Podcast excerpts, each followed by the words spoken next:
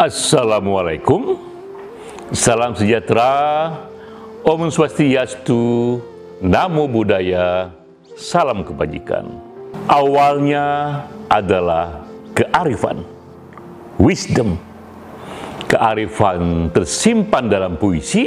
Ini serial kuliah singkat, kultum, kuliah tujuh menit, kita menggali kearifan dari kutipan puisi. Kali ini kita menggali penyair Nur Jami. Ia hidup di Persia di tahun 1414 dan 1492. Kita kutip puisinya dari bukunya yang terkenal Yusuf and Zulaika.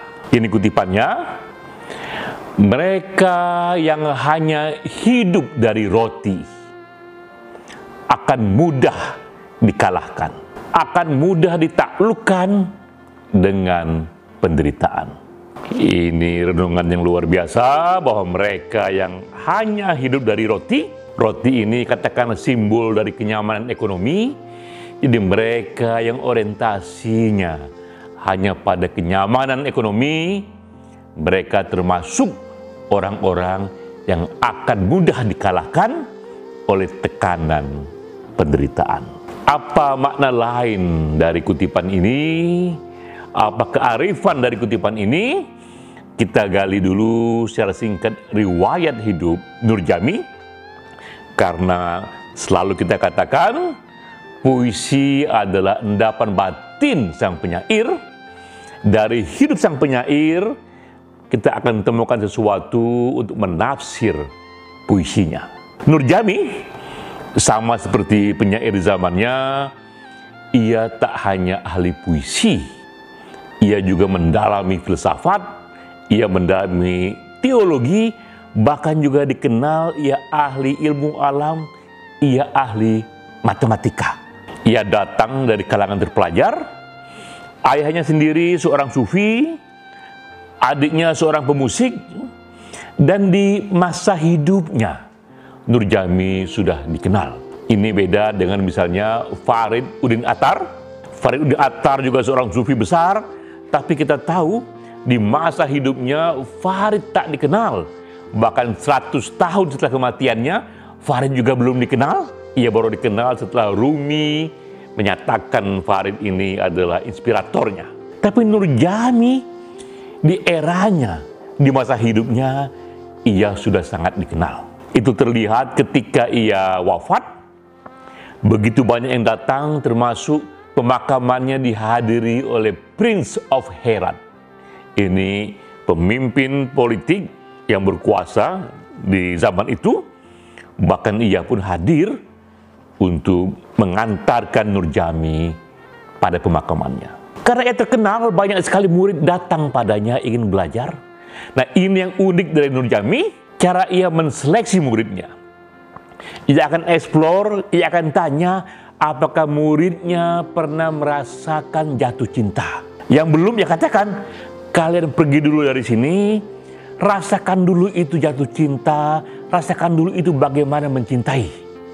Setelah itu dapat pengalaman itu, kembalilah ke sini, kita kembali belajar bersama. Ternyata bagi Nurjami, pengalaman mencintai itu hal yang sangat penting sekali bagi seseorang yang ingin sampai pada kearifan. Karena dengan pengalaman cinta itulah ia terbuka matanya bahwa hidup ini tidak hanya ada pesona roti, tidak hanya ada kenyamanan ekonomi. Bagi mereka yang tahu pesona cinta, ia bisa terbang lebih jauh lagi dan akan tahan penderitaan. Karena kekuatan cinta itulah yang akan menjadi hal yang membuatnya mendapatkan makna. Jadi kita lihat dari cara hidup Nur Jami ini bahwa Nur Jami memang menghayati itu bagi ia mereka yang hanya hidup dari roti, yang hanya nyaman dan ketenangan ekonomi tak akan pernah bisa melangkah lebih jauh lagi, tak akan pernah tahan penderitaan. Untuk tanpa ada penderitaan, kau butuhkan kesadaran lain. Dan itu hanya kau bisa dapatkan setelah kau alami pengalaman cinta. Nah, bagaimana kita melihat konteks puisi Nurjami ini dalam kehidupan sekarang? Siapa yang bisa menjadi contoh dari fenomena ini? Kita pun teringat Melala Yousafzai. Ini Malala Yousafzai ini penerima Nobel perdamaian paling muda dalam sejarah. Ia dari Pakistan, usianya baru 17 tahun ketika ia dapatkan Nobel itu. Malala, ia hidup berkecukupan. Ayahnya seorang aktivis pendidikan, mereka punya sekolah, tak ada masalah dengan roti, dengan kenyamanan ekonomi saat itu, tapi ada yang menggelisahkan Malala karena tiba-tiba ia melihat bocah-bocah gadis dilarang bersekolah di sekolah umum oleh gerakan Taliban. Di Taliban ada gerakan yang konservatif, yang keras sekali, yang menyatakan secara keras sekali anak-anak gadis, bocah-bocah gadis tempatnya belajar agama di rumah. Tidak boleh mereka sekolah umum di sekolah umum. Tidak boleh mengalami pendidikan di luar agama di sekolah umum. Malala waktu itu masih belasan tahun umurnya. Ya.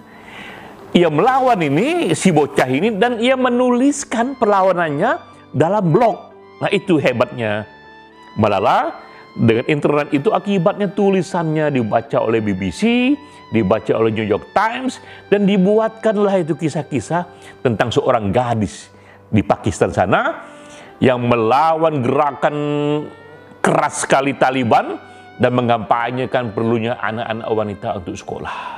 Taliban marah sehingga pada satu waktu tahun 2012 Malala masih berusia 15 tahun, ia sedang berada dalam bis kota, ditembak ia oleh Taliban bersama beberapa gadis lainnya dan Malala pun sekarat. Ia hampir mati, ia akhirnya diselamatkan dengan berbagai teknik teknologi kedokteran modern, dan ia selamat. Apa yang terjadi kemudian? Jika Malala hanya puas dengan kenyamanan ekonomi saja, ia akan mudah ditaklukkan. Ia akan menyerah. Ia pernah ditembak, hampir mati. Apalagi mau dicari sama dia? Tapi yang terjadi sebaliknya, bagi ia tak cukup hanya kenyamanan roti. Ia tak hanya mau hidup dari roti, ada hal lain di luar sana, passion dia untuk mengajak anak-anak kembali bersekolah. Anak-anak gadis. Ia pun berkampanye secara lebih hebat lagi dan ia katakan tentang Taliban itu Taliban ini adalah sebuah tradisi saja.